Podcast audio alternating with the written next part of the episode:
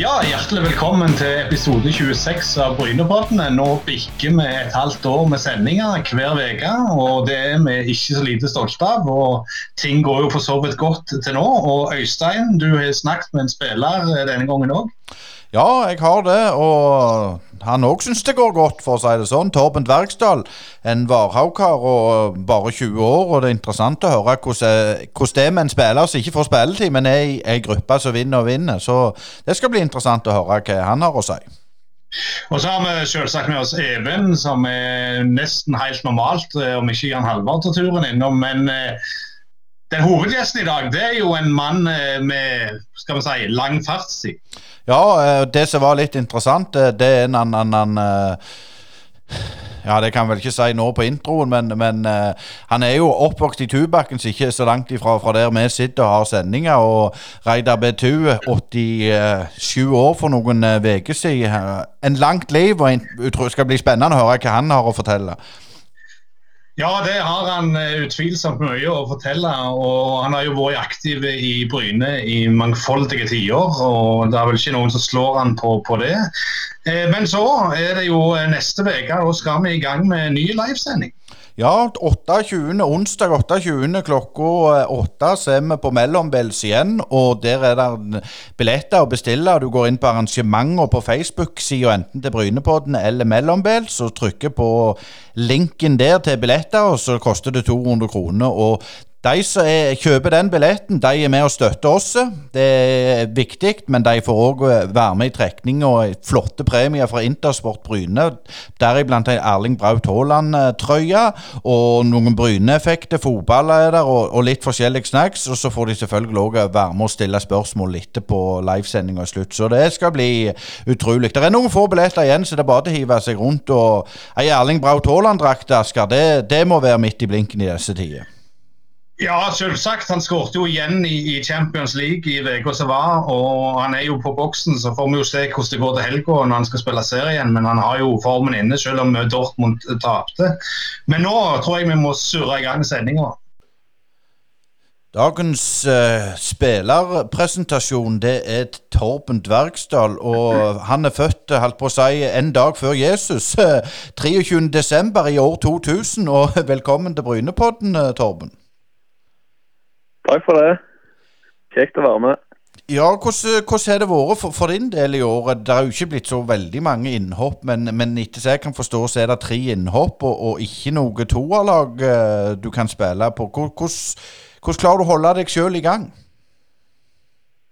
Ja, Det har jo bare blitt tre innhopp, men uh, altså uh, Nå ser jeg jo det at det er jo ikke så mye alternativ. og Det er folk som har det verre enn meg, skulle jeg si. men klart det er jo ikke optimalt ikke få spille fotball, men sånn er nå situasjonen. og Skulle ønske at et, iallfall et toerlag å få litt kamptrening på. Men sånn er det.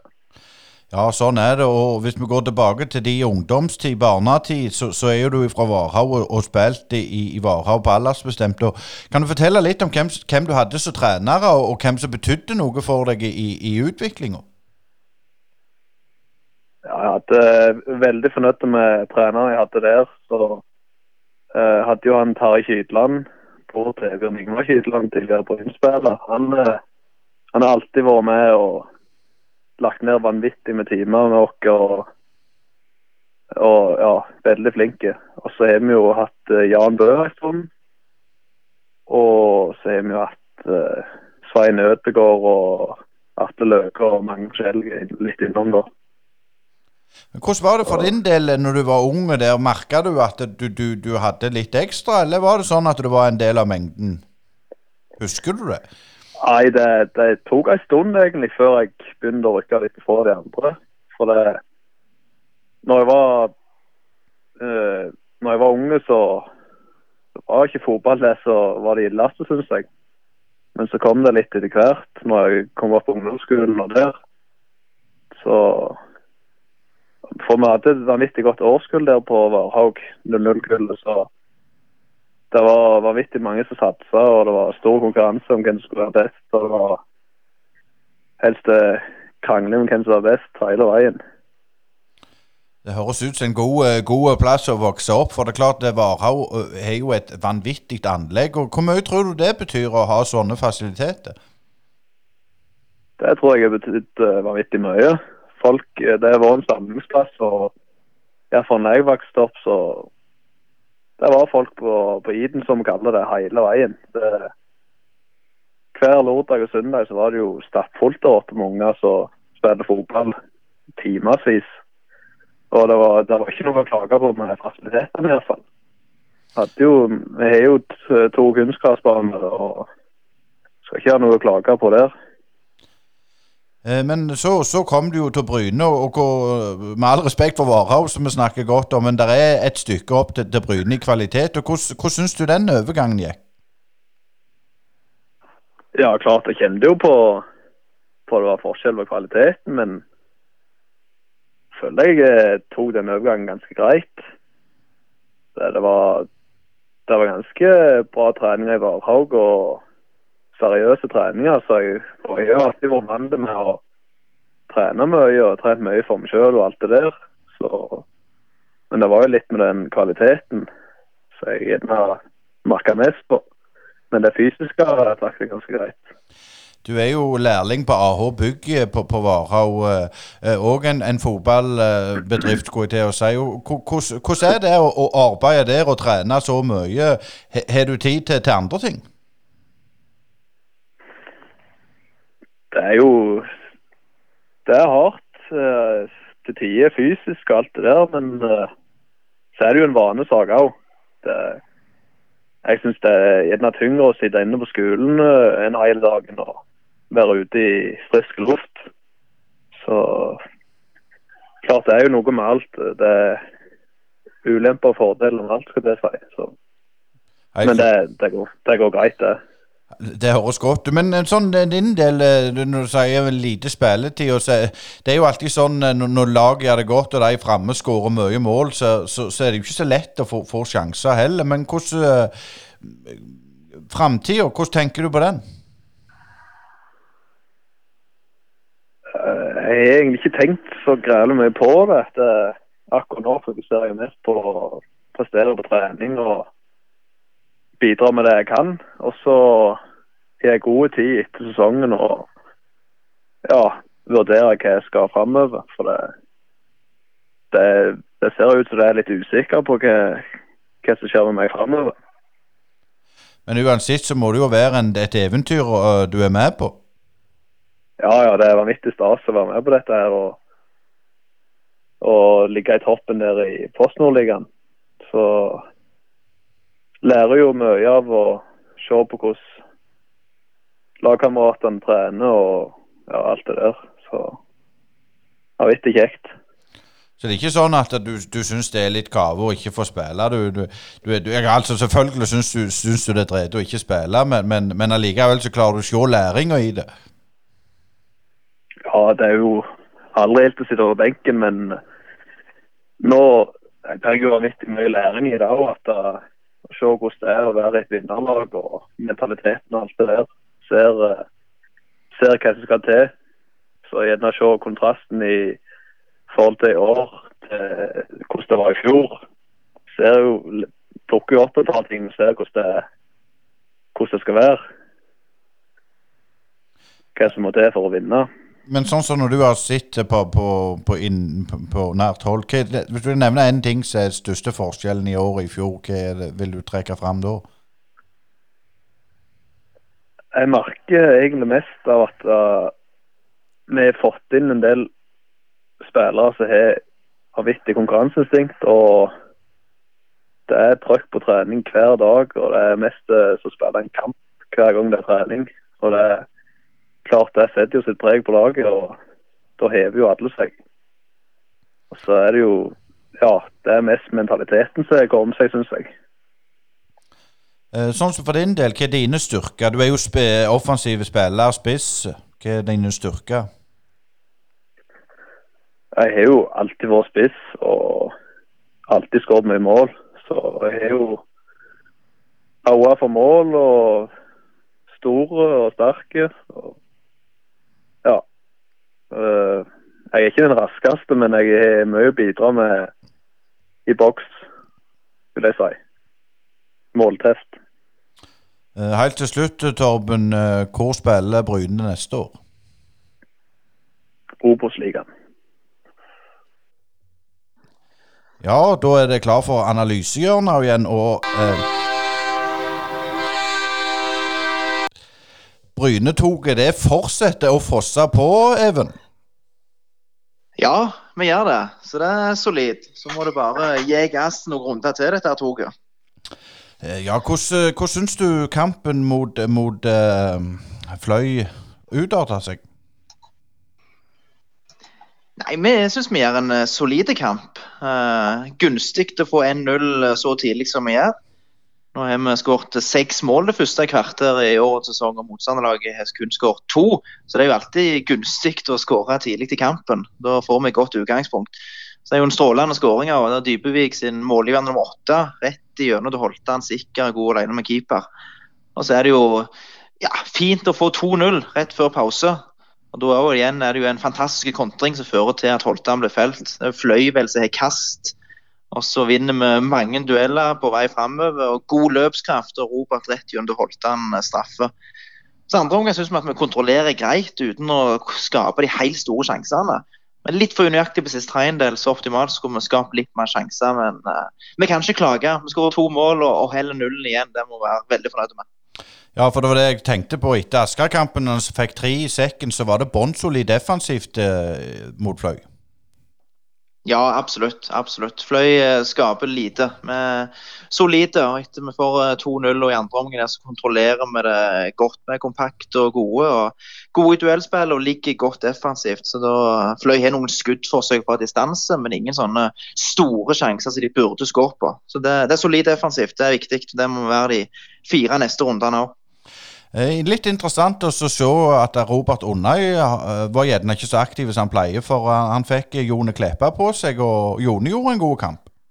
Ja, han gjorde det. Han hadde jo målgivende, eller pasningen til Han ble felt på straffen, og han burde kanskje hatt straffe sjøl, Robert. Så han var jo involvert i en god del, selv om Jone ofte hadde god kontroll på han. Men Jone er en god spiller, og, og har levert godt for Fløy i år. Han er det. Men litt tilbake til Fløy. Fløy før, før uh, Asker kom med noen uh, spørsmål. De hadde vel ganske mange ute i forhold til det første gang dere møtte de. Var det fem nye spillere? Det husker ikke jeg tallet, men, men det var et annet lag?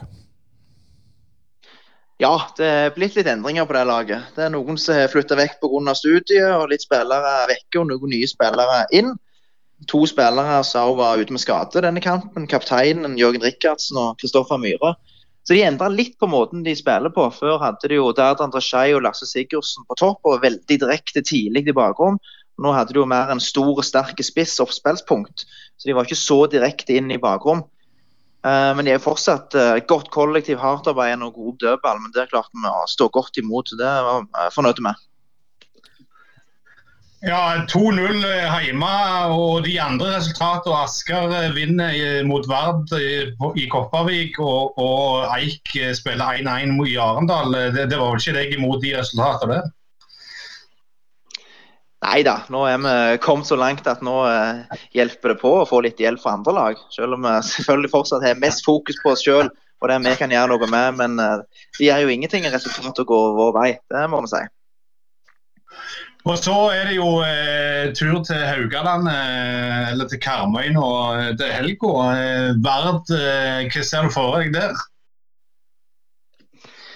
Ja, Nå blir det spennende å se hvordan eh, kampbildet blir. Det har jo regna veldig godt her hjemme på, på Jæren, og det har det også gjort på, på Karmøy nå. Så jeg er spent på hvordan den banen er. Om det er mulig å spille ball langs bakken, eller om det blir tilfeldigheter. og og mye lange baller, men det blir nok uansett en, en krig, en tøff kamp. Vard er bra, selv om de ikke har prestert så godt i det siste. Så er det mange gode spillere, spesielt framover med Miljeteig og Myklebust, som vi må være obs på. Men vi er jo veldig revansjesugne etter vi tapte sist borte mot Verd. Det ble jo en spesiell kamp der når Holtan ble utvist før pause der. Så vi er veldig revansjesugne og har stor tro på at vi skal gjøre en god bortekamp. Og så må vi bare se litt fram etter det. Hvordan tror du det blir med den friveka etterpå? Kommer det til å ødelegge litt i rytmen, eller er det en fordel? Nei, Vi ser på det som en fordel. Da var det halvveis i sluttspill, og det er greit å ha ei frihelg da. Vi skal bruke den uka der og trene godt. Trene fornuftig, hardt og godt. Og så skal vi ha tre fridager. Eller tre egentreningsdager blir det. Spillerne skal følge, holde seg i gang. Men jeg tror det er godt å, å bryte av litt og få noen dager vekk fra hverandre. Det har jo vært et langt år. Vi har holdt på lenge. Det har vært en lang sesong. Normalt har vi jo en pause etter 13 kamper.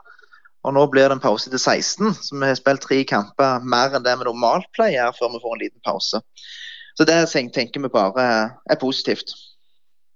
Og så til slutt, er det noen som, som er skada utenom Steng? Eh, hvordan ser det ut der?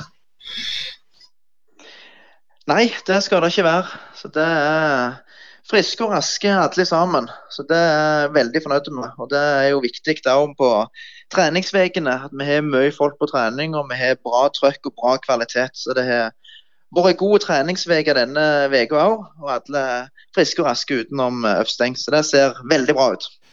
Eh, helt til slutt, eh, Even. Eh, jeg har fått fra sikre kilder at Ingebrigt Aarbakke var ikke så fornøyd med med at de sprang for lite på kampene, så han har gitt dere noen treningsvester, stemmer det? Ja, det stemmer. Så det er vi veldig fornøyd med at uh, Ingebrigt bidrar der. Så nå skal vi forhandle inn de uh, vestene, GPS-vester. Så da får vi enda litt mer tall og litt mer uh, bekreftelse på hvor fort springer spillerne, hvor mange sprinter har de i løpet av en kamp. Toppfarten, og vi får litt heatmap, så det så fint heter hvor ofte kom en spiller inn i motstanderen 16 f.eks. Så det er vi veldig fornøyde med. og Det blir et viktig og godt verktøy både i trening og, og i kamp. Så Da blir det vekk med synsinga. Da får vi tall på det meste, og det, det liker vi.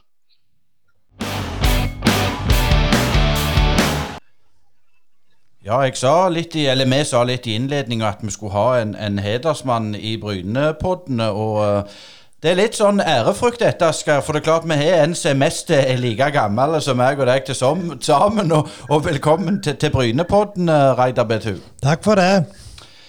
Eh, ja, jeg vet ikke. Jeg sa vi sa hvor skal vi begynne henne, men, men Reidar, vi vi må, vel begynne der det starta, og, og, det var i 1933. Og for, for, all del, vi må jo si gratulerer så mye med 88-årsdagen som var den 13. oktober. Takk for det. Takk for det.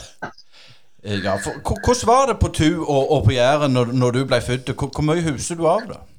Jeg husker ganske mye. Jeg husker selvfølgelig ikke eh, når vi bodde på Tuen, for vi flytta jo derifra ganske, ganske Jeg var ikke mer eller vel noen uker gammel, så akkurat hvordan det var på Tu i den tida, det husker jeg ikke noe særlig av. Men, men eh, når vi kom til Bryne, så husker jeg ganske godt. Jeg begynte å huske eh, når søsteren min ble født i 1937, da var jeg fire år. Og det husker jeg spesielt godt, for, for, for um, uh, mormor mi hun bodde på Re. Og uh, det jeg husker, var at far kjørte meg uh, til Re til mormor. Og jeg visste ikke noe om, om hvorfor jeg ble kjørt der, men jeg overnatta iallfall hos mamma mi, og da de fortalte etterpå at nå hadde jeg fått ei søster, så forsto jeg hvorfor jeg hadde havna på re akkurat da. Så da var jeg bare fire år. Så jeg husker ganske godt det. Og så husker jeg eh, godt ifra, ifra da av og framover. Spesielt husker jeg med far. Han var eh, en ganske god fotballspiller på Bryne i den tida. Så fikk han en alvorlig skade, husker jeg. Og jeg husker han lå eh, i senga, og så var det først noe slags varmebehandling han skulle. Så jeg husker han lå med en stor skjerm eh, over, over dyna med, med sterkt lys i, så det var nok en form for varmebehandling.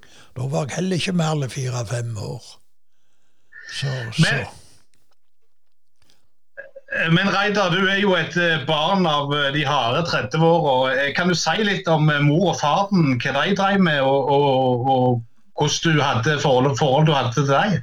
Ja, altså det vi kan si eh, Far min han var jo i den tida lastebilsjåfør, og mor hun var jo da hjemmeværende. Og det var ganske det var ganske tøft, husker jeg, i, i den tida. Og det har prega meg seinere i de valgene jeg gjorde, ikke minst når det gjaldt yrke.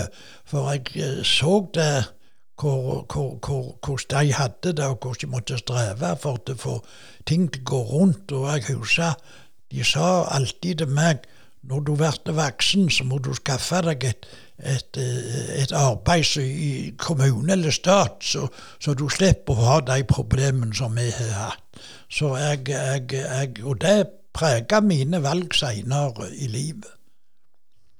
Men hvis du går inn på det med, med din yrkeskarriere, så, så starta jo den litt sånn Gjerne er ikke så mange som er klar over. Solvik-Olsen, fortell litt om det. Ja, altså eh, en kan gå litt, enda litt lenger tilbake. Når jeg, når jeg vokste opp eh, og gikk på skolen, så gikk jeg med Stavanger Aftenblad og tjente de første pengene. Og, og, og da hadde jeg huset hadde jeg 38 kroner måneden i, i, i, lønn for dette.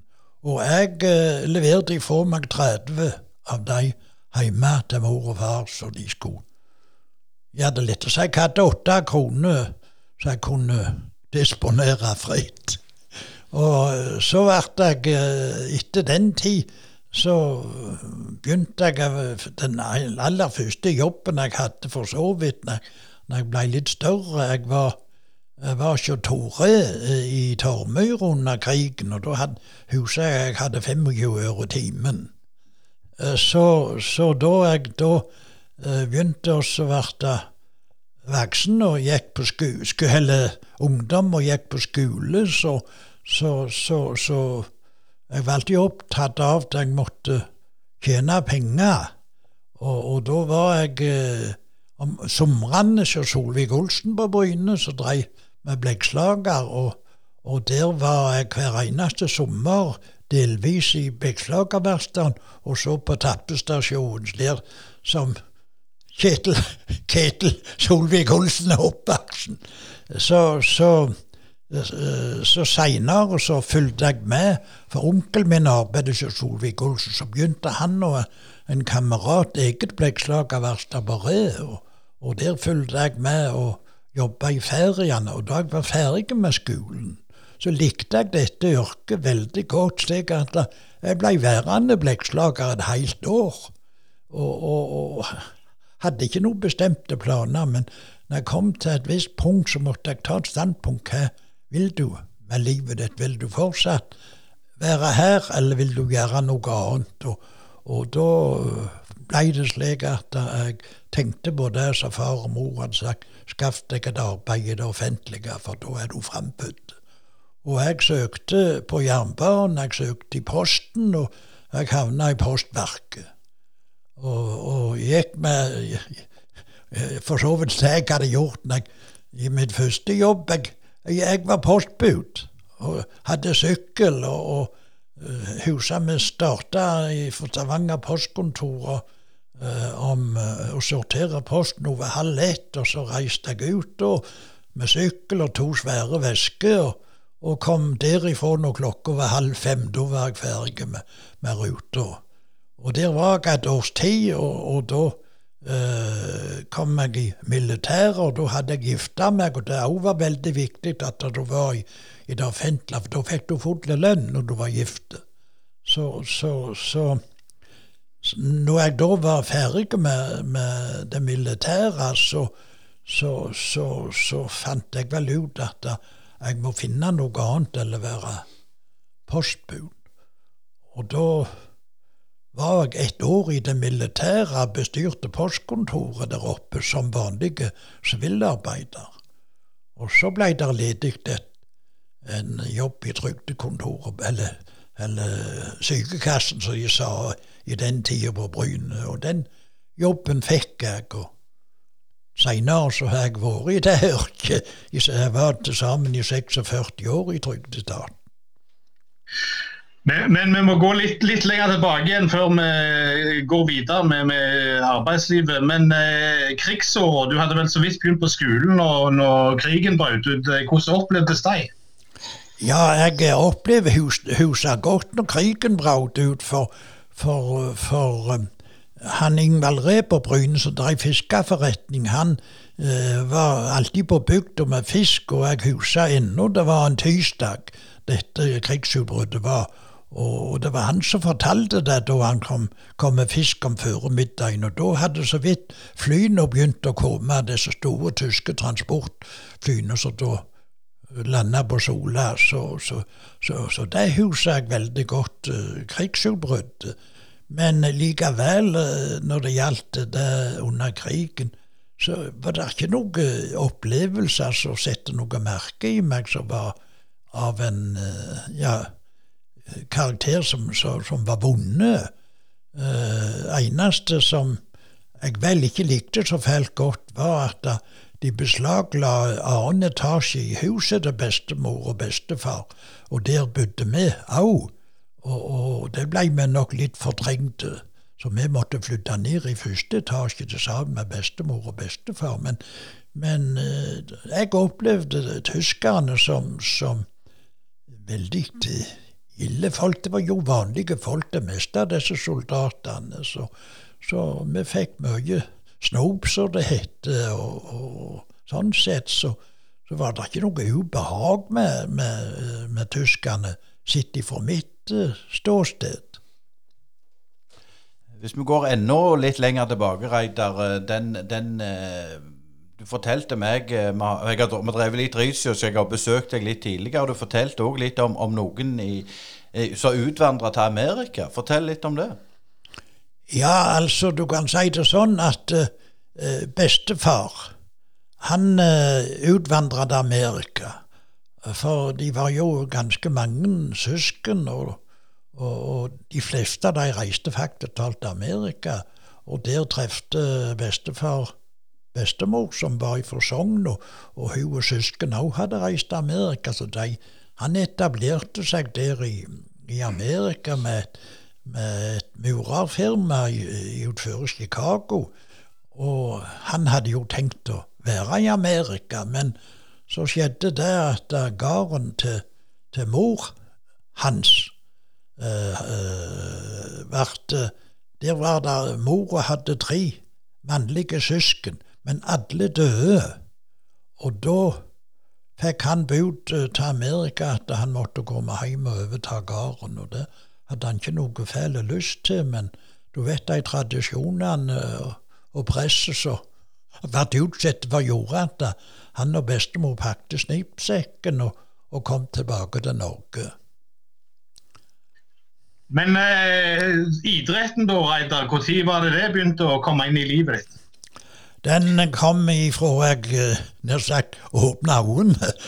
Som jeg sa, før, han var fotballspiller, og, og vi bodde uh, ganske tett med den gamle uh, banen på Bryne. Den ligger der som M44, ja, der lå den gamle banen. Og, og vi bodde der uh, i nabohuset der til til, til, til Skjell stasjon i dag. Så, så jeg bodde tett med stadion, og, og jeg ble vel påvirka av til Buson, og, og, opplevde vel idrett ifra jeg nesten snakka jeg husa.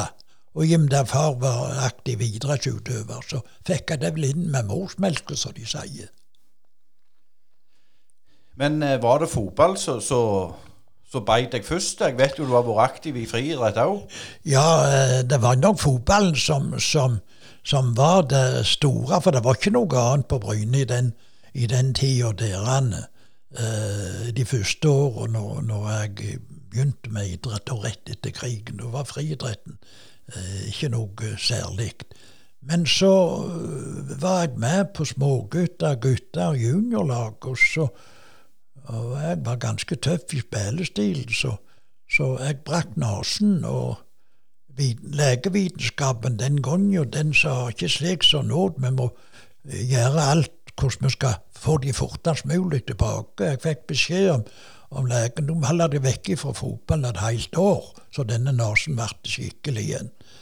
Det, det, det, det Ja, jeg måtte bare forsone meg med det, men jeg hadde vel en del anlegg for, for, for andre idretter òg, slik at da kunne drive med friidrett. Og, og, jeg gjorde det ganske brukbart i, i friidretten. Og, og der eh, gjennom den aktive med friidretten så kom jeg jo fort med i administrasjonen og, og, var der i ganske mange år. Så, så det halve av min tid i idretten har faktisk vært i, i friidretten.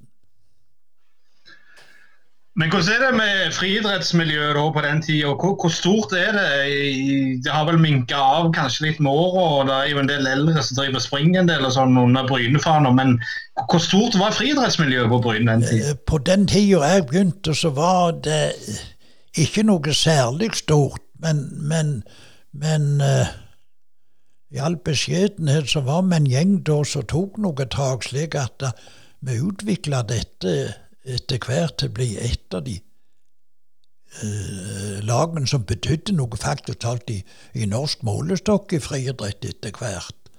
Så, så det er jo noen ganske store høydepunkt som jeg fikk oppleve i, i, gjennom friidretten. Du kan si det at uh, vi hadde et veldig godt juniorlag på, på 1000 meter stafett som ble norgesmester og satte nye norske og nordiske rekord på den distansen. og og vi vant jo Holmenkollstafetten med juniorlag flere år. Og så kom det noen seniortriumfer òg i Holmenkollstafetten.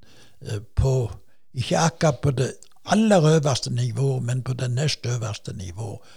Eh, Seinere så, så, så, så eh, Det var ganske gode friidrett framover til ja, vi kan vel si langt ut i 70-åra. Men så vet du, dette med fotballen tok overhånd slik at uh, de fleste av ungdommene trekte mer til fotballen, så det minka av etter hvert. Men det var en veldig god jentetropp langt ut i, i, i, i ja, like til bortimot 90-åra.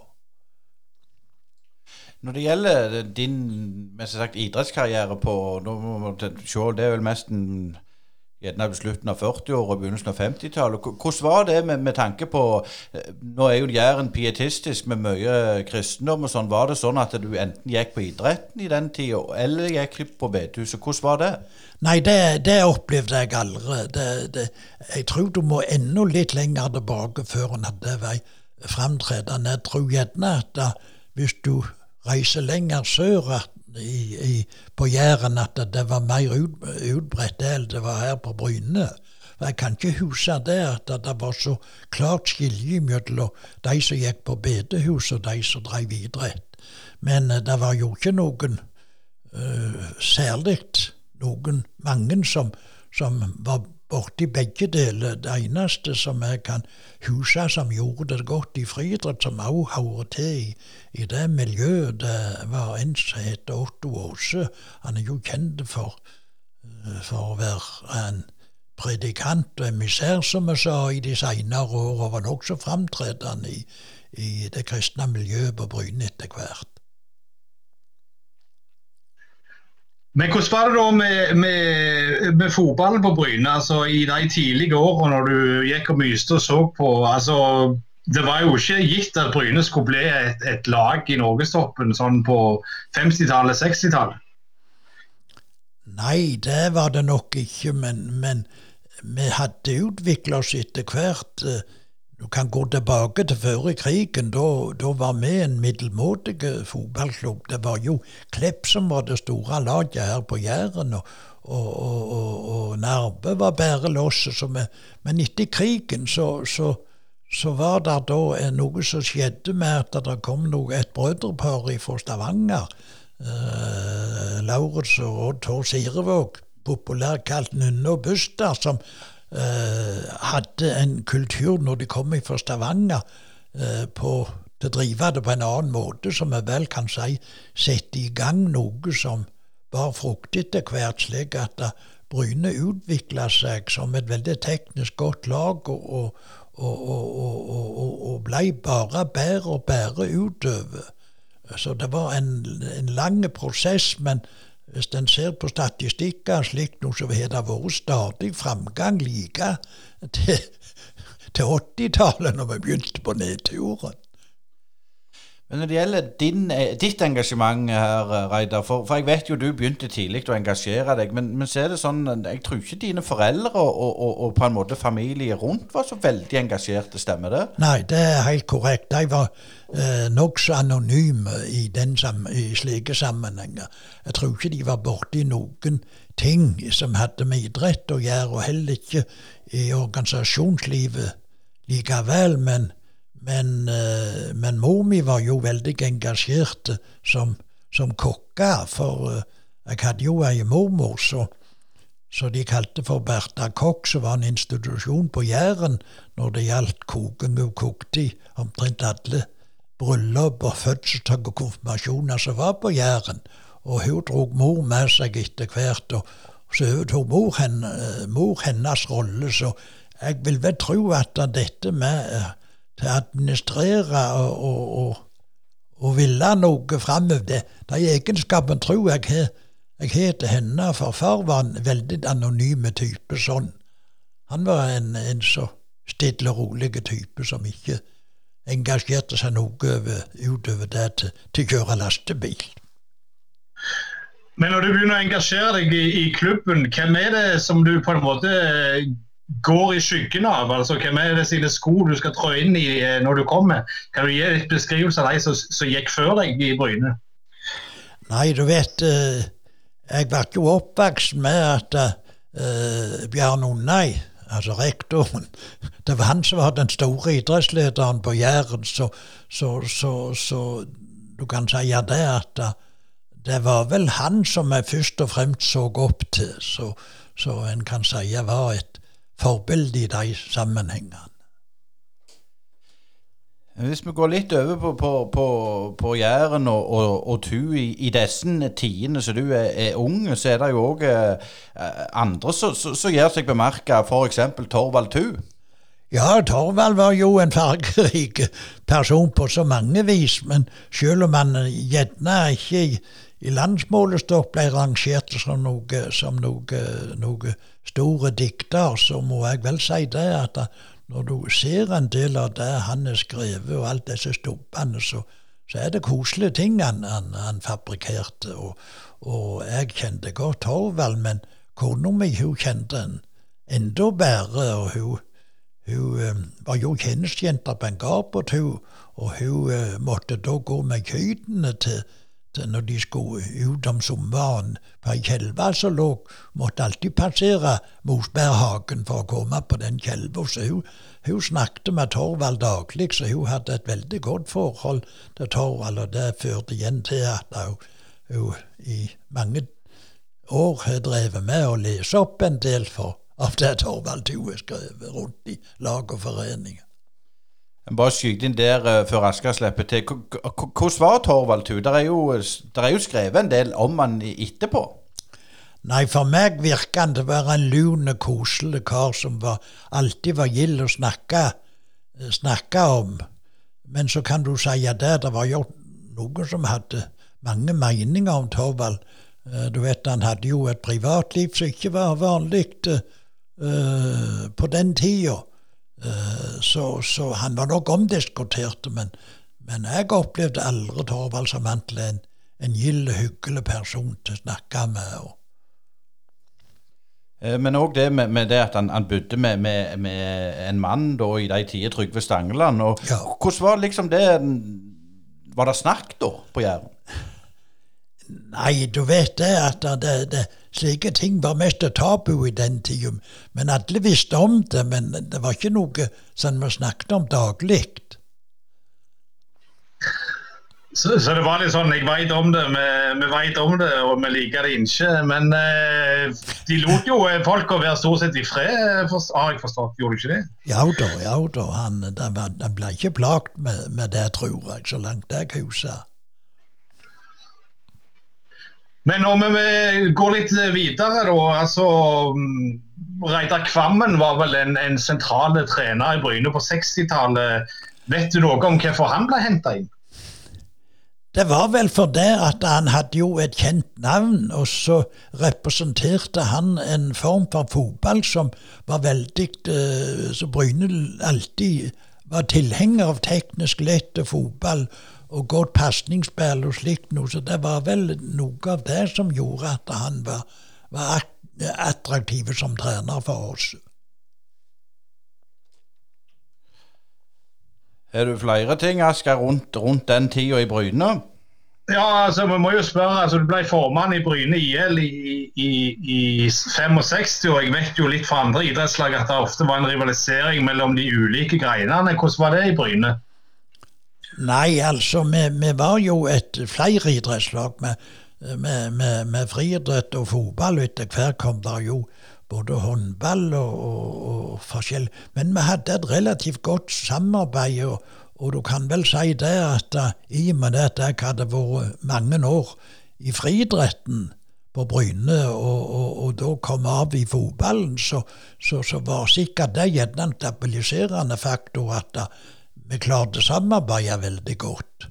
Så jeg opplevde aldri noe, noe, noe vonde situasjoner med de andre gruppene. Selvfølgelig var det eh, ting jeg husker når, når jeg var friidrettsformann, så vet du eh, Av og til så måtte du være litt streng med fotballen, for de, for de forstyrte en del av treningene som vi hadde med til, til, til, å være der som vi var. Men det var aldri noen episoder som skapte noe, noe splid mellom gruppene. Jeg har jo hørt litt uh, at når du kom inn som, i, i styre og stell i, i Bryne, så, så, så, var det litt sånn uh, anarki, og, og gjorde, folk gjorde litt så, så de ville. Stemmer det? Nei, jeg kan ikke huske noe spesielt om det, så, så, Du vet, det er mye som blir sagt, og, og, det er klart det at for de som har lest Bryneboka, som, som jeg og Kjell Olaf har skrevet, så er det klart det at det har ikke vært søndagsskole alltid. Det må en kunne si. at Det har vært noen tak som en må ta, men det har i grunnen vært eh, på et senere tidspunkt, eller, eller, det som vi snakker om nå, den tida i, i 60- og 70 De begynte vel i, i 70-tallet, og, og ble en del tak vi måtte ta. Men når du begynte da i, på 60-tallet, altså, var det noen plan dere sette dere ned og lagde til, eller, eller lot dere bare seriene gå og se hvordan de gikk? Nei, du vet det at vi, vi,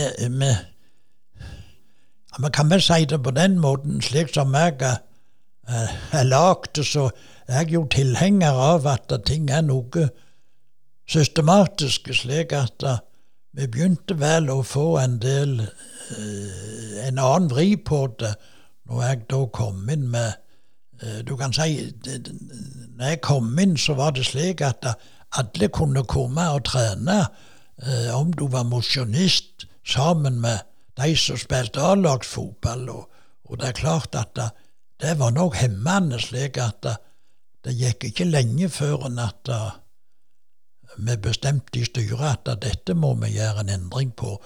For vi hadde jo, vi hadde jo en premie til de som, som, som, som var flittigste på trening. Og så opplevde vi jo et, et år at det, det var en mosjonist som hadde mistet treninga slik at vi syntes det var for galt. Det var ikke det vi mente med å premiere.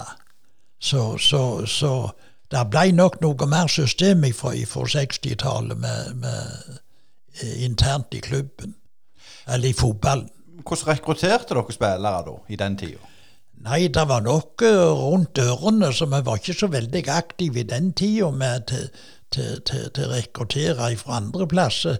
Det kom jo en eller annen, så, så, så, men etter hvert som laget ble bedre og bedre, så var det naturlig at det, det var en del som kom utenat. Og, og, og, og når vi da var, kom av på toppnivå, så begynte vi selvfølgelig å bli mer aktive òg til å gå ut sjøl og hente spillere. Men det, vi snakket jo med Johannes Wold her i uka, eh, og, og, det nedrykket som kom da eh, i, i, i 1970. Hvordan, hvordan prega det klubben? Eh, det var jo eh, voldsomt tungt når vi da rykte ned. Men heldigvis så, så fikk en beholde de fleste da. Eh, det var Jo Johannes som da forsvant. Eh, eh, med din velsignelse, ikke sant sier. Det er vel riktig, det. Og jeg kan gjerne fortelle noe omkring det, for det er vel ikke alle som vet om det. Men, men jeg har aldri lagt skjul på at jeg aldri har hatt den store sympatien for, for de mørkeblå i byen. Det har vært en kjensgjerning over hele Jæren og i Stavanger òg. Og det ligger tilbake, for før krigen husker jeg at uh, dette forholdet med Viking og Bryne, hvor det er at de sendte ut C-laget, for det var ikke noen andre som gadd reise ut på bondeland. Og det, det, det, det da, da, begynte det hos meg. Og, og seinere så, så, så, så ble det sånn, og jeg La meg si det, jeg er ikke begeistra i dag heller, må bare være så innr Så, så innrømme det, men jeg, jeg, ser jo betydningen av det har et lag i oppdivisjon, så jeg er ikke så, så galen som jeg var i den tida. Men tilbake til dette med, med, med Johannes og, og, den overgangen der. Så eh, fikk jeg han til til å stå et år ekstra i Bryne for å se om vi skulle lukkes med å komme noe høyere opp. Men jeg lovte han òg det, at hvis ikke det gikk, så kunne han gå med mild velsignelse til, til Viking. Og han, han, var med på det, faktisk talt. Og, og det som er, er det løgne oppi det, er så gjerne ikke så mange vet Jeg hadde to år med sesongkort på Viking stadion og var på alle kampene. Men det var ikke fordi at jeg var så interessert i Viking. Og jeg, for meg betydde det ingenting om de tapte, bare Johannes spilte godt. Men vi spør bare hvor god var Johannes egentlig?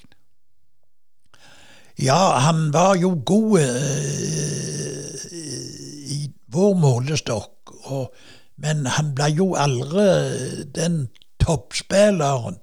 For det at han mangla jo noe noe ting. Han mangla jo hurtighet. Og han var ikke noe kløpper med hodet med det hette, men det er klart at han hadde en egen evne til å være der han skulle være framfor mål. Og det gjorde at han hadde en sterk posisjon i, i rogalandsfotballen, og også til dels i, i det øvrige landet. Men han, han han fikk jo aldri mange landskamper eller noe slikt noe, så han, han, han Det var ting som gjorde at han ikke blei uh, Han hadde jo disse manglene som gjorde at han da ikke blei gjerne den toppspilleren som som, som, som gjerne hadde vært han hadde blitt. Er det noen andre av de spillerne på, på 60-tallet som utmerka seg? Og er det noen som kunne kommet lenger hvis de hadde hatt en litt annen holdning til fotball? Ja, det tror jeg uh, at det var. Vi kan vel si det på den måten at uh, jeg ikke akkurat så lyst til å gå inn på personer, for da uh, For det er akkurat det som du sier der med, med holdninger. Det var iallfall to-tre som burde og kunne hevde seg på et høyere nivå hvis de hadde tatt uh, hatt et, la meg si, utenomsportslig liv ryddigere. Da tenker ikke jeg på uryddighet antall med uh, Jeg tenker på dette med festing og slikt, noe som uh, det var for mye av i den tida. For, du nevnte til meg at gjesteheimen så, så er der så vel den der Kongo er i dag, stemmer ikke det? Det, ja. Det var da vel et miljø som ikke du likte så godt? Nei, det, det må jeg si. det at for, for det er alltid mye å forstå seg på i, i, i fotballsammenheng. Det er mange som har meninger. Det som er så synd, at det ikke alltid de kommer, disse meningene, på de rette plassene.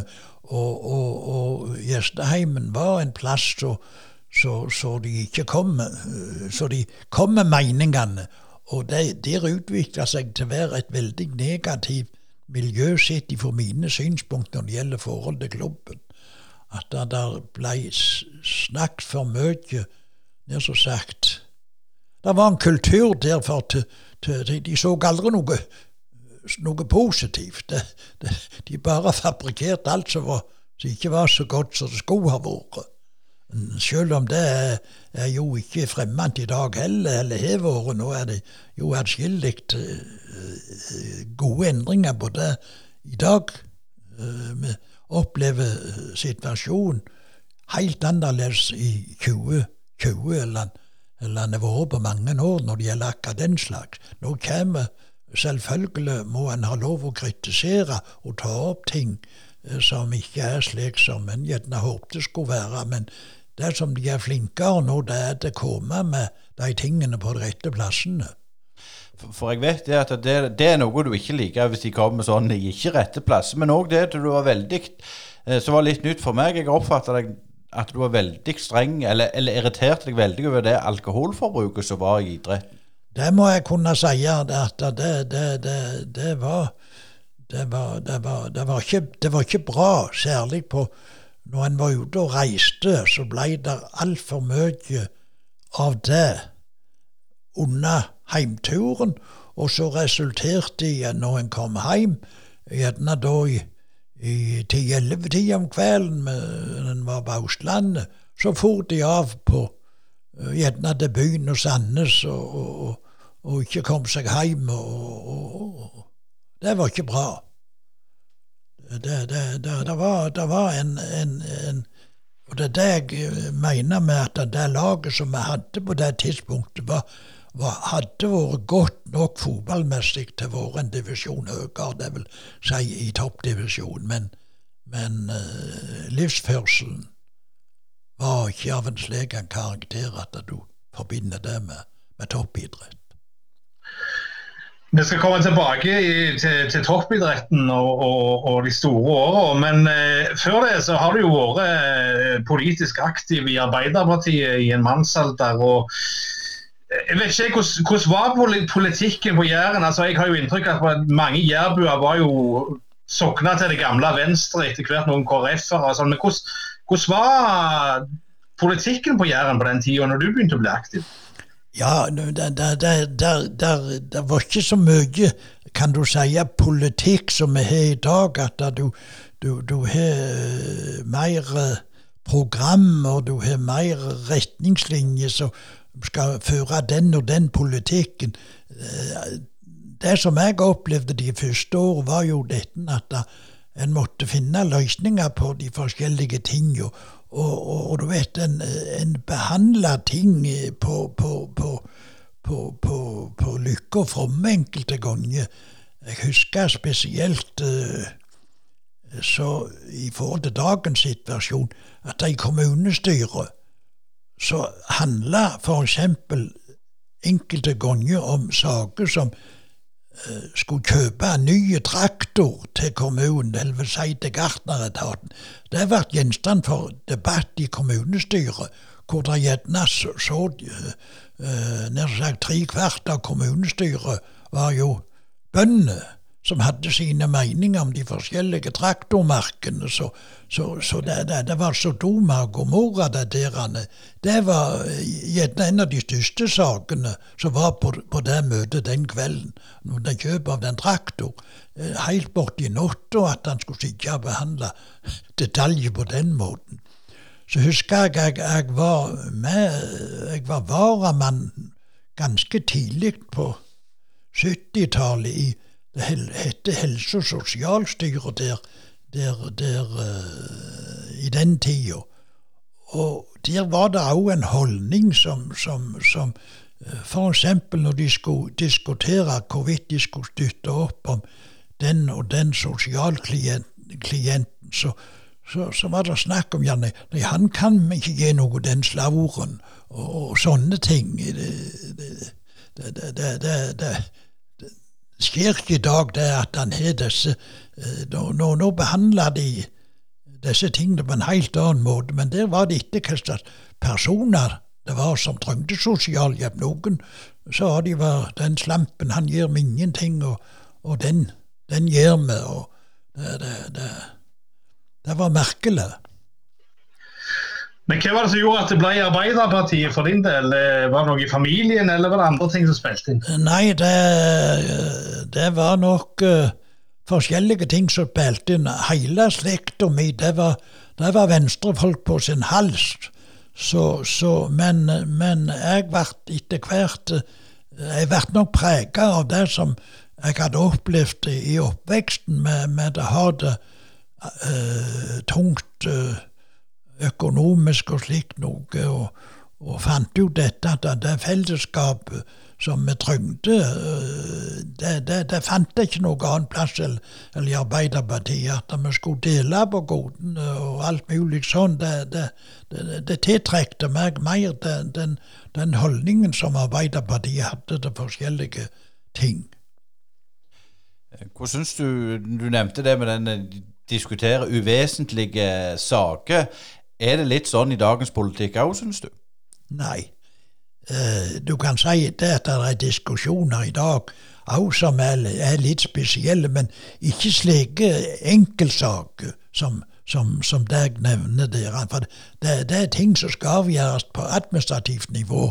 Uh, hvorvidt du skal kjøpe den og den traktoren, eller du skal gjøre ditten og, og datten. Men, men, du kan vel si når du ser diskusjoner i dag, f.eks., også kan være løgne, uh, blant annet dette som nå holder på, dette med om du skal kalle skolen uh, på Klepp Kleppelåen eller Kleppelunden og, og slikt noen fæle diskusjoner om sånne ting. Det, det forstår jeg ikke riktig.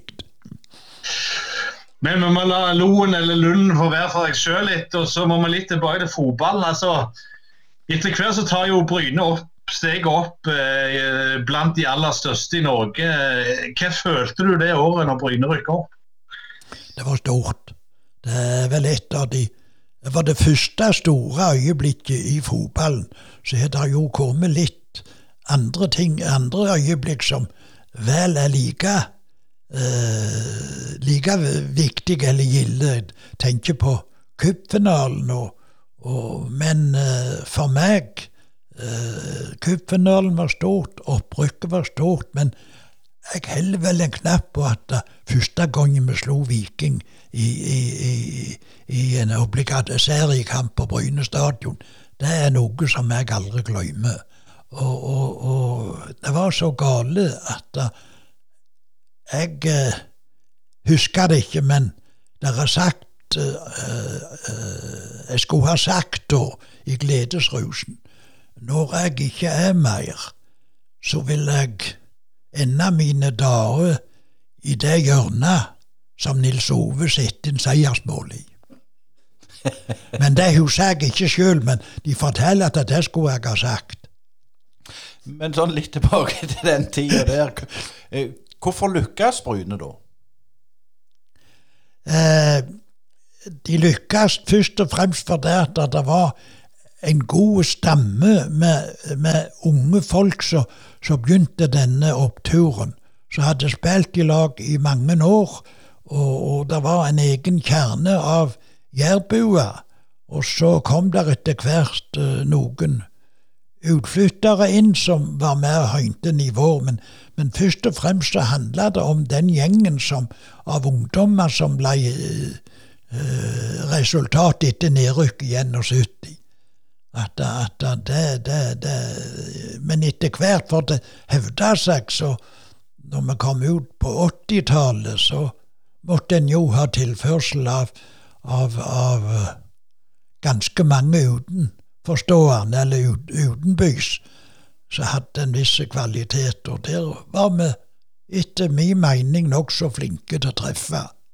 Jeg tenkte på, på Arne Larsen Økland, Rune Ottesen, Tommer Jacobsen og Knut Ertesvåg, og det var en gjeng der, og Kjell Iversen. og det var, Men vi hadde jo fremdeles noen bauta sjøl. Vi tenker på gamle, gode Birk og, og, og, og Gabriel og Trond. Og, så, så det var en god blanding. Ja, men de fleste av de du nevner der, er jo De spilte vel eh, Både Rune og Arne Larsen spilte vel i Vard, og Kjell Iversen kom vel fra Eik. Eh, ja. Tom, Tom Mer kom jo utdannet. Men hva var det dere så etter, eller hvordan var det dere så etter spillere på den tida? For det er jo ikke sånn som i dag at du kan sitte og se på, på YouTube fullt av videoer av spillerne. Altså, hvordan fungerte den prosessen med å hente en spiller eh, på den tida? Nei, vi fulgte nok litt med på, på, på klubbene rundt, men det, var ikke tror ikke det var noe Kan ikke huske at det var noe systematiske nær sagt, rundt det. Men uh, for eksempel Arne og Rune, de uh, var jo etter hvert godt kjente uh, i miljøet, i fotballmiljøet. Og i og med det at Kjell Skau Andreassen ble trener da på 70-tallet, så kjente han de enda bedre. og Det var jo han som først og fremst sto bak at både Arne og Rune havna på Bryne. Og det samme det gjaldt Tommar Jacobsen, som da var landslagskeeper. Du vet, Skauen var på den tida òg trener for landslaget. Han hadde, han hadde god oversikt over disse talentene som var verdt til til, til, til å hente. Så kom det jo noen andre i tillegg som ble, ble jo nesten nær sagt utvikla seg godt på Bryne. Jeg tenker på Kjell Iversen da. Og så kom jo Flatastølen, som et uro tok inn i bildet og, og gjorde, gjorde, en veldig god jobb til første. Da, da fikk en, en, en problematisk sak etter hvert Det er en annen ting, men, men, men han var jo òg med uh, i de gode tidene. Men hvor involverte var, var du, Reidar, i dette, denne prosessen her? Og, og, det som du sier, mye er blitt skrevet og mye er blitt sagt om deg og, og, og din lederstil. Hvordan tror du folk som var med deg, oppfatta deg den gang? Eh, du vet, i og med det at du er en person som har klare meninger, klar tale, er resultatorientert. Da er det ganske mange som har meninger om deg, og, og, og eh, så har du da to leirer. Det er de som liker deg.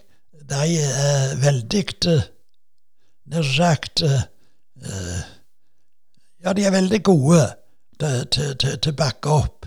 Ser du de som ikke liker meg, så er, er det den andre sida. Så, så, jeg er klar over det at jeg alltid vært omdiskutert leder, men øh, jeg kan vel si det på den måten når det gjelder fri, både friidrett og fotball, så, så, så har det skjedd noe i de periodene som jeg har vært leder. Men, Av positiv art. Men, men det, vi må ha litt om Skauen. Altså, han ble jo sittende ut 79-sesongen. Hvordan kom han til klubben, og hva var i grunnen årsaken til at han forsvant i 79? Ja, eh, detaljene eh, Du kan si det på den måten at han hadde jo trent Viking.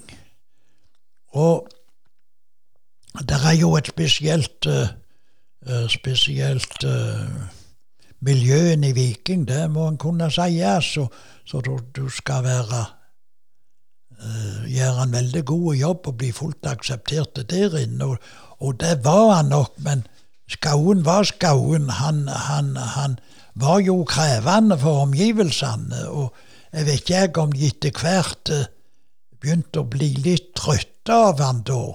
Uh, men de ville jo engasjere han videre for det. men der kom vi de, kom i forkjøpet, og det var veldig tungt for de der inne hos Velland når han da signerte kontrakt for oss. Eh, når vi, når vi kommer til, til, til, til 79, når han da slutta av, så kan vi vel si det sånn at det, var vel noe av den samme årsaken at en begynte å bli litt uh, metta. For som jeg sa, han var veldig krevende og spesiell. Og, og han, det var vel en viss slitasje eh, i spillergruppa etter hvert. Og jeg, jeg Ja, vi kan aldri si at han fikk sparken, men la meg si han, han, han, han Det var i slik han ble ikke reengasjert. Men klart det, Reidar, du har jo hatt mange spillere og mange trenere. og Du har kjent eh, på, på eh, Jeg stilte vel et spørsmål. Hvem, hvem er det den beste spilleren som du mener har vært i Bryne? Ja, Det kan jo diskuteres hvem den meste spilleren er, men den spilleren som uten tvil har betydd mest for Bryne, det er jo Gabriel. Hvorvidt han er den beste, det er jo et diskusjonsgrunnlag, men i hans eh, beste stundene så var det ikke mange som gikk utenpå han, verken på Bryne eller på land, i, i, i landet. Så uh, hvis du vil ha en at jeg må ta et standpunkt, så, så sier jeg det heller på navn. Det er han som betydde mest for fotballen på Bryne. En sånn oppfølgingsspørsmål. Hvorfor det? Er det, er det, er det Vi hadde jo Einar Braut i siste episode. Òg en, en bonde og en god, kar, som vi sier på Jæren. Har det litt å si med det at han er herifra og en likende kar, eller, eller, var det noe mer? Eh, du kan si det på den måten at uh, han eh, har ikke noe med bonde å gjøre, i mine øyne iallfall. Men Gabriel er en likende kar, og det som var uh, Så iallfall har gjort uh, meg at jeg hadde det synet, var at han blei truen og værende på Bryne på tross av at han mangla ikke på tilbud om å komme andre plasser. Det, det er slikt noe som rører, rører deg langt inn i hjertet. Men vet du noen Nå er det så lenge siden, nå kan vi vel spørre, vet du hvilke klubber, noen klubber som var aktuelle i den tida? Jeg mener Rosenborg var veldig aktuelle. Jeg mener Strømsgods òg i den tida var, var, var, på han. Uh, jeg vet ikke om Viking noen gang har prøvd seg, men uh, om de da regna med at det, det, nytta ikke, det vet jeg ikke. Men, men det har jeg aldri spurt Gabriel om, om han hadde fått tilbud for Viking noen ganger. Og, og, og, jeg vet at han var i søkelyset òg eh, Om det var en nederlandsk klubb og litt, men, men han, han, han ble værende hos oss. Det var trygt og godt. Og ære være han for det. Skulle ønske det var mer av det i dag, når jeg ser på disse som forsvinner da, mer som sagt før de er skikkelig voksne. Men så kommer jo eh, Brian Green inn, eh, inn som en ukjent mann. Og, og Viking hadde jo òg en engelskmann som trener rett før med Tony Napp. Eh, og så begynner det å bli ganske mye medietrykk rundt både Bryne og Viking om rivalisering. altså Tidlig 80-tall, 80-sesongen, 81-82-80. Og Kjell Olaf òg er jo inne i bildet der og har de der rivaliseringene med Smøren. Og Gabriel skriver i aviser mot Torbjørn Svendsen osv. Hvordan, hvordan så du på det der medietrykket som begynner å oppstå sånn på tidlig 80-tallet. Ja, jeg vet ikke hvordan hva du mener akkurat med spørsmålet. Nei, jeg tenker liksom, Det der at det ble så mye, mye, mye mer skriverier om rivalisering mellom Bryne og Viking. og Folk eh, var ute i avisene og, og, og krangla litt. og sånn. Altså, du som var en sånn litt eldre nestor, hva syns du om den utviklinga der? Nei, det, det er aldri eh, gildt når det er mye kriging klubbene imellom. Men på Jansjær så, så, så, så så skapte det en litt Det, det pirra litt òg når de holdt på, særdeles Gabriel og, og, Torbjørn Svendsen med disse skriveriene sine. Kan ikke si noe annet at av og til så, så humra jeg en del når vi så hva, hva det førte til. Men det var, det var klart at de, de skapte en viss uh, oppheta stemning, uh, stemninger før disse Viken-Bryne-oppgjørene, som sikkert var med og gjorde at vi fikk de enorme publikumstallene på kampene. Jeg vet jo, men du var litt inne på det med gjesteheimen og, og, litt festing og sånn, så, så, vet jeg det at, at, at, du var litt streng med, med, med mannen i Grødem, altså bestefar til Reds. Og han er jo òg med i, i pensjonistgjengen, så, så, dere er gode busser nå? Ja, det skal ikke legge skjul på det at jeg og mannen hadde noen tak i sin tid. Når han var, når han var vel en periode kaptein og, og, og han var vel av de som hører til den der gjengen som jeg ikke syns om det, så de holdt på. Så vi hadde noen tunge tak, og, og, og, og, det var vel ikke det beste forholdet mellom oss i den tida, men i dag er vi veldig gode venner. Han, han eh, er sjelden, eh, nær sagt Han er en av de mest Eh, oppmerksomme personene som overfor meg som jeg, som jeg har der oppe. Så det, det, det er helt som natt og dag. Og det kan jo skyldes oss begge som har vitra så lite grann. Ja, det var så en, eh, en jeg intervjua en gang som sa det at alle vennene hans var døde, og det var fiendene òg, så nå måtte han snakke med de som var 10-15 år yngre for å holde, holde samtalen i gang. Men eh, det jeg lurte på litt eh, mer, Reidar, det er jo Bryne tok jo et veldig revolusjonerende grep når de ansetter Rune Hauge som markedssjef. Hvilke forhold hadde du til han? Ja, jeg var vel nokså sentral i den prosessen der, Anne. For jeg var jo med å ansette han. Jeg husker det når vi når vi, når vi, når vi, når vi Da endelig ansatte han og hadde et eh, lengre intervju med han. og, og vi følte vi måtte ha hjelp til det intervjuet, så vi, vi kontakta presidenten i fotballforbundet der, som jeg kjente godt, han Per Ravn Omdal fra Stavanger, så han var med på, på det intervjuet, og etter vi var ferdige med det intervjuet, så følte vi der at vi hadde fått en, en god person. Og han snudde jo opp og ned på ting når han, når han kom. Så, så, men det var ikke alt som jeg likte like godt etter hvert. Og, for han kom med en kultur fra Tyskland. Eh, blant annet så så, så disse kom man med noe som ikke var vanlig i den tida. Det var når du skulle skrive kontrakt med spilleren, så kom man med et begrep fra Tyskland som het 'sign on. Og det betydde at spillerne fikk en viss sum når de skrev, for å skrive på. Det var ting som var, som var ukjent for oss da.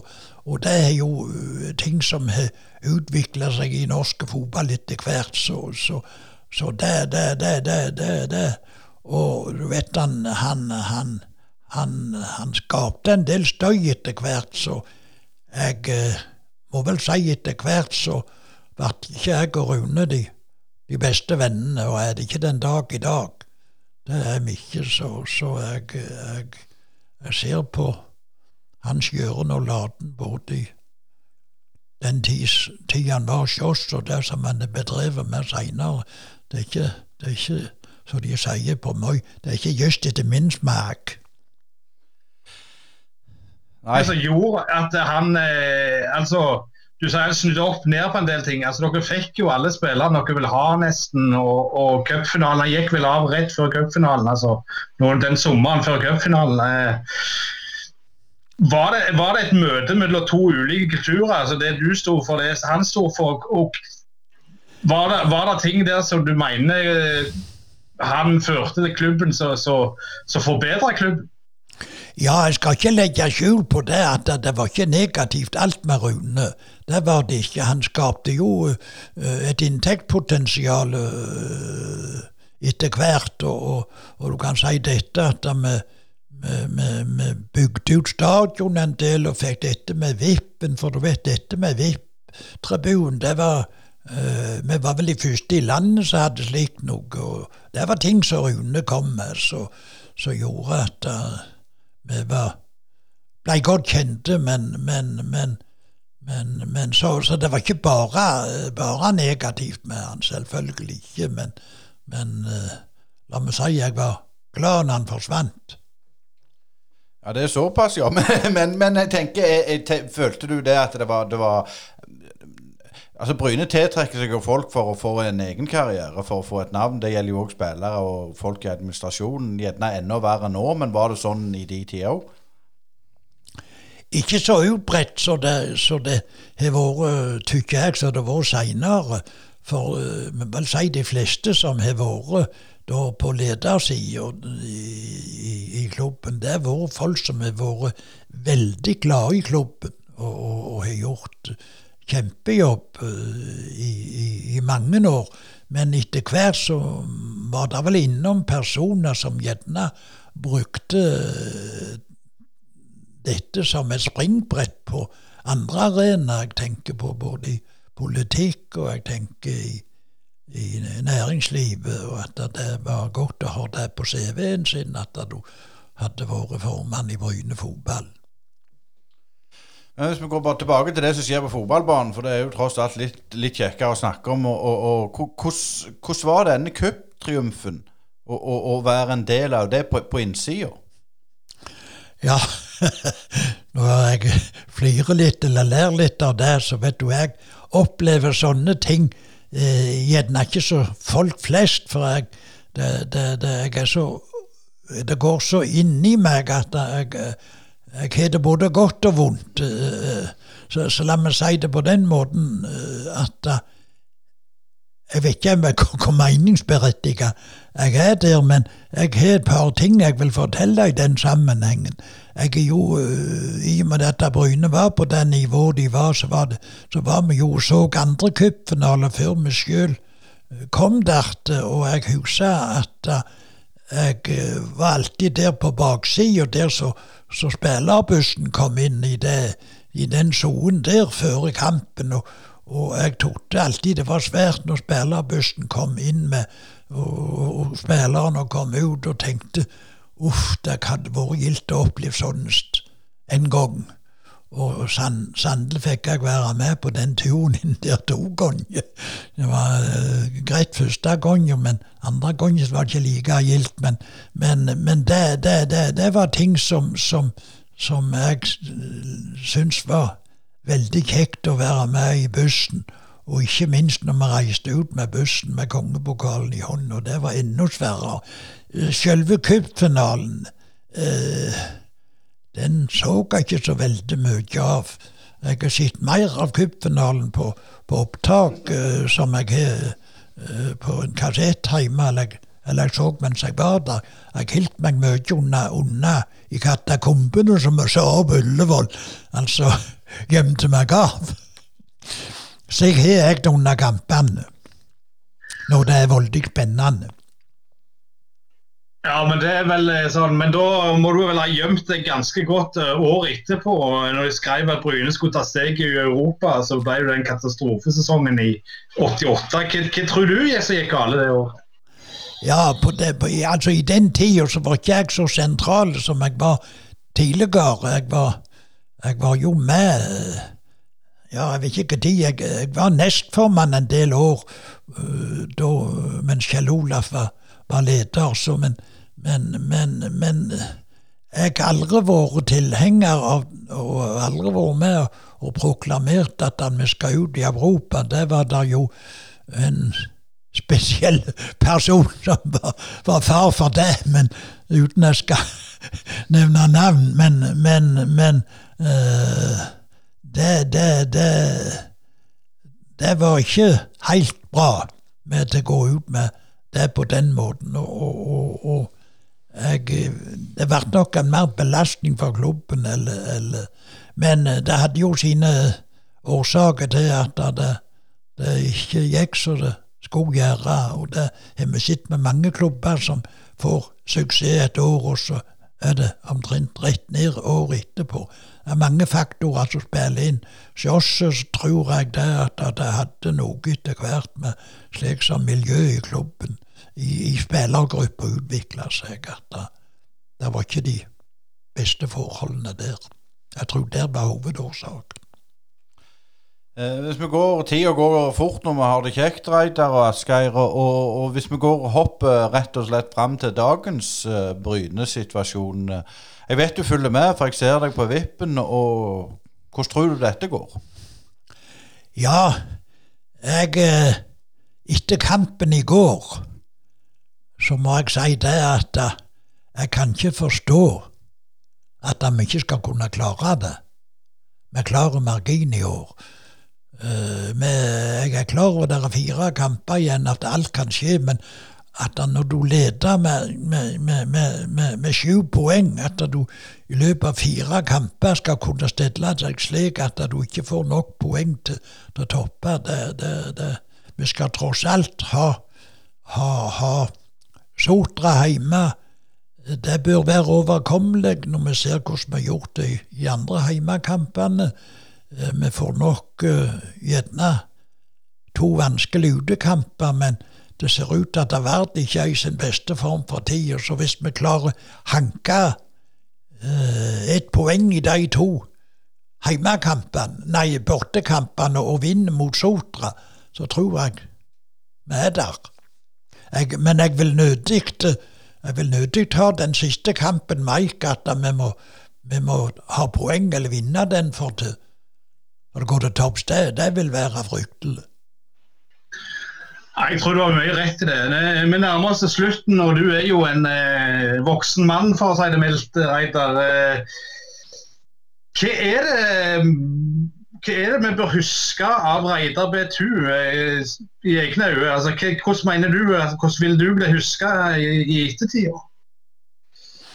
Ja, vi har vel vært inne på det tidligere når vi har snakket, men jeg blir vel huska som en, en, en omdiskutert person med klare meninger, og, og, og, men òg at ingen er i tvil om at jeg vil det beste for klubben i det jeg foretok meg.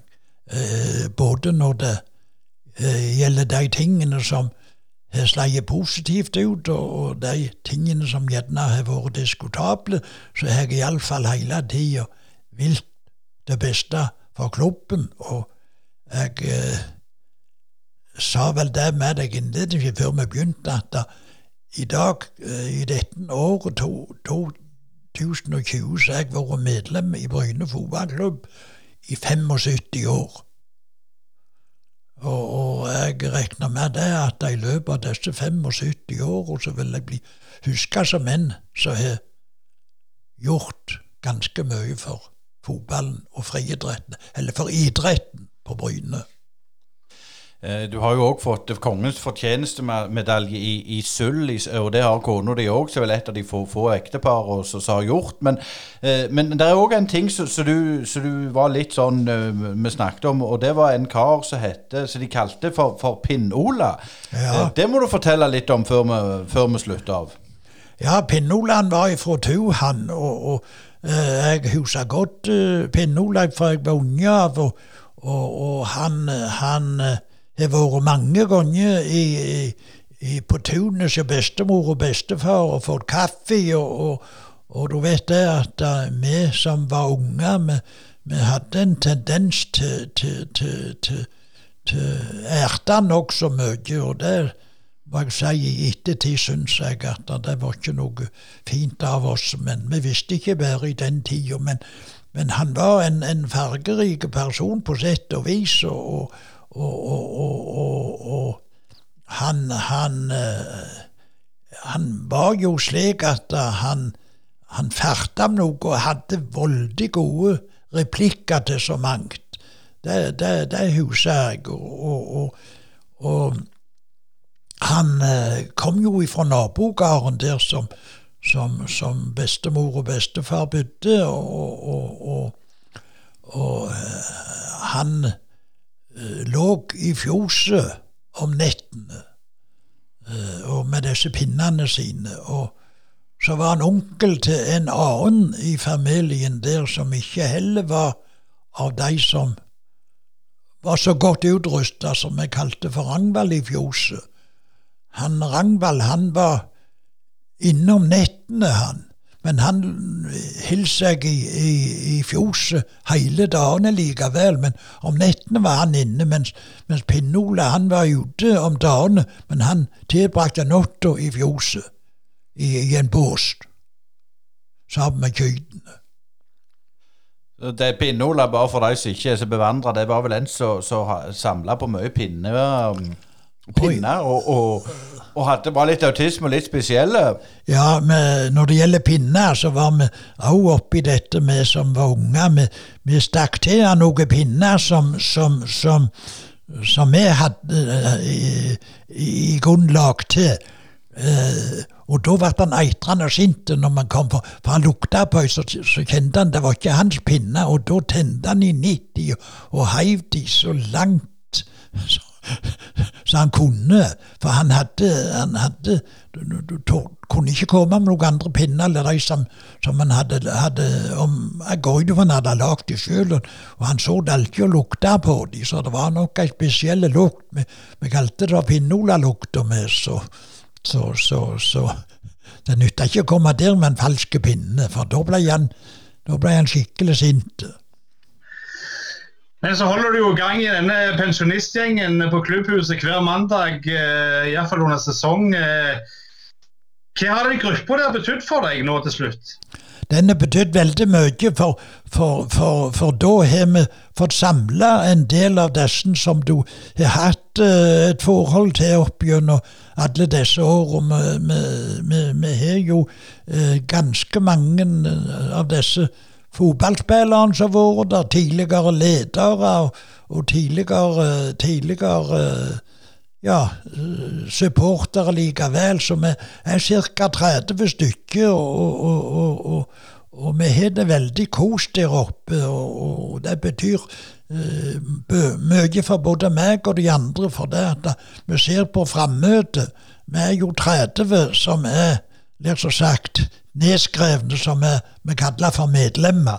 Og det er aldri 125 av de som møter opp, så det skal være, som jeg sier, av og til bare uh, dødsfall til for at de, de ikke kommer. De prioriterer det så høyt at det skal alt bli satt til side for vi skal kunne møtes der oppe hver mandag. Og, og det er året rundt. Der, vi har ikke ferie, verken jul eller om sommeren.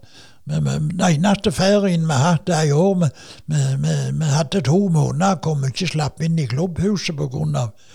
Koronaen. Så, så likevel, som vi nå sier det ble mast på den siste måneden. Når skal vi starte opp igjen? Når skal vi starte opp igjen? Så, så nei, det er en fin gjeng. og, og, og, og vi diskuterer selvfølgelig mest eh, fotball, for det er jo det som knytter seg sammen. Men vi er òg innom andre ting som rører seg, både i, i nærmiljøet og i, i, i, land og verden for øvrig. Så, så har vi av og til Og så må jeg eh, si det at både trener og daglige leder er oppe nesten hver gang, og hvor vi blir oppdatert over rikets tilstand. og og vi gir en del penger hvert år til, som øremerket ungdomsarbeid, så eh, vi har inntrykk av at vi er en ganske god faktor i, i klubben. Så de gir iallfall uttrykk for det.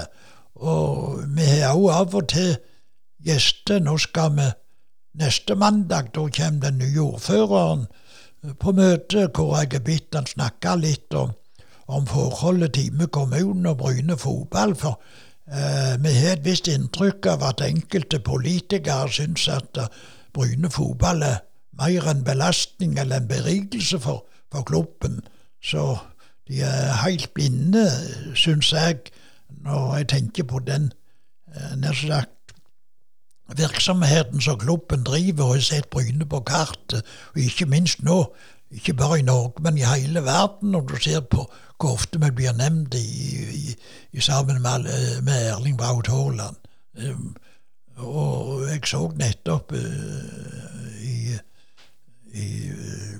på PC-en uh, et intervju, eller en, en omtale om Erling, hvor, hvor ei fran, franske avis hadde vært oppe og, og, og snakket om, om, om, oppveksten til Erling og, og og hele systemet der, hvordan han hadde hatt det opp gjennom året. Du vet, Bryne og Bryne og Bryne var nevnt utallige ganger i, det, i, den, i den sammenhengen. Så, så vi har sett Bryne skikkelig på kartet, og, og det syns ikke jeg at enkelte politikere i kommunen uh, ser skikkelig. Uh, nå, nå, har du jo snakket deg varm, Reidar, men jeg må jo bare spørre den du, Vi sier jo alltid Reidar B2. Hva står den B-en for? Ja, det kan jeg òg fortelle hva den står for. Far min heter Bjarne, og grunnen til at jeg måtte begynne å bruke den, er at jeg har en navnebror som bor på Kåsen uh, her, som òg heter Reidar. Han skriver seg for Reidar Jehan. Og så har jeg enda en navnebok inne i Forsand som heter Reidar Tu. Og uh, besteforeldrene hans kommer fra Tu. Uh, og det som er spesielt med han og meg Jeg var trygdesjef på Sandnes, og han var ligningssjef på Sandnes. Så vi fikk mye, ikke mye, men vi fikk en del kjeft på vegne av en annen. De som var misfornøyde med skatten kunne av og til uh, bringe det til, uh, til meg, for de trodde det var det var ligneskjemt de snakket med seg. Jeg fikk en del kjeft på hans vegne, og han eh, kunne fortelle at når det var noen som var misfornøyd med trygdekontoret, så var det av og til han fikk noe som, som, som, som de trodde at han hadde noe med dette å gjøre. Men, så, så, så det var litt spesielt til å være så to sentrale personer i Sandnes kommune som vi var, både jeg og han i den tida. Da kan vi bare på vegne av Brynepoddene Reidar, var det Bjarne du sa? Ja, Reidar Bjarne Tu, tusen, tusen takk for Ja. praten. vær så god, det var hyggelig, men mimring.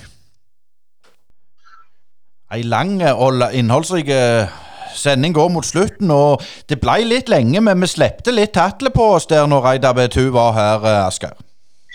Ja, men eh, det er sånn vi må forvente. Eh, Gamle folk vet du aldri hvor lenge du har eh, blant oss i studio. Så å få en skikkelig grundig gjennomgang av et langt, langt liv, 87 år, sånn som vi har fått denne timen, det er kjekt. Ja, det er utrolig, og det er mye der som vi ikke visste. og jeg vet ikke, Det er mest litt sånn vanskelig å, å, trekke fram noen, noen høydepunkt, men eh, det var vel litt det at han hadde sesongkort på Viking stadion, eller gamle Stavanger stadion. Det syns jeg var litt, litt fornøyelig. Ja, det er, jo, det er jo en fantastisk bra historie. Eh, Reidar B er jo kjent som en sånn eh, vikinghater før det ble inn å være vikinghater. Så det at han så det sikte på Johannes Wold der inne, nærmest i skjul, det er en morsom historie.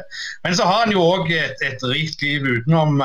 Vært aktiv i, i mange ting. Og det der med friidrettskarrieren hans òg er jo en interessant ting. Ja, og det som han eh, sa når vi gikk av, at han, han slutta i friidretten og ble aktiv i fotballen i styre og stell, for han fikk en matforgiftning når han var på en, en, en eh, landslagssamling med friidretten. eh. Så, så det er, så mye. Vi, vi kunne snakket i timevis, men jeg, jeg håper dere som har hørt på, har hatt en, en fin stund, for, for det har iallfall vi, hatt. Og, og husk denne mellombels eh, livesendinga onsdag 28. oktober, der du vinner flotte premier for de som kjøper billett fra Intersport Bryne, blant ei Erling Braut eh, Haaland-trøye. Og ja, helt til slutt, Asker, du skal, du skal få siste ordet. Ja, eh, vi må jo dele det siste året, for jeg har jo en ekstremt viktig kamp eh, til helga. Hvilke tanker gjør du om den Vard-kampen? Øystein? Ja, si det. Det er litt sånn ekkelt, for jeg er veldig på optimist nå. Jeg tror vi vinner. Og, og, og det er litt sånn farlig, for jeg er rett og slett litt sånn um, Jeg tror dette går veldig bra, altså. Og da, da er vi Da har vi um, Da har vi en god fot i Obos, og det er jo Obos og norsk toppfotball vi hører hjemme, så Nei, et halvt år med poddene nå, så får vi Obos neste år, så, så må dette bli eh, Da kan vi ta en liten sånn, gjerne. Vi ler helt eh, til banken. Takk for at du fulgte oss.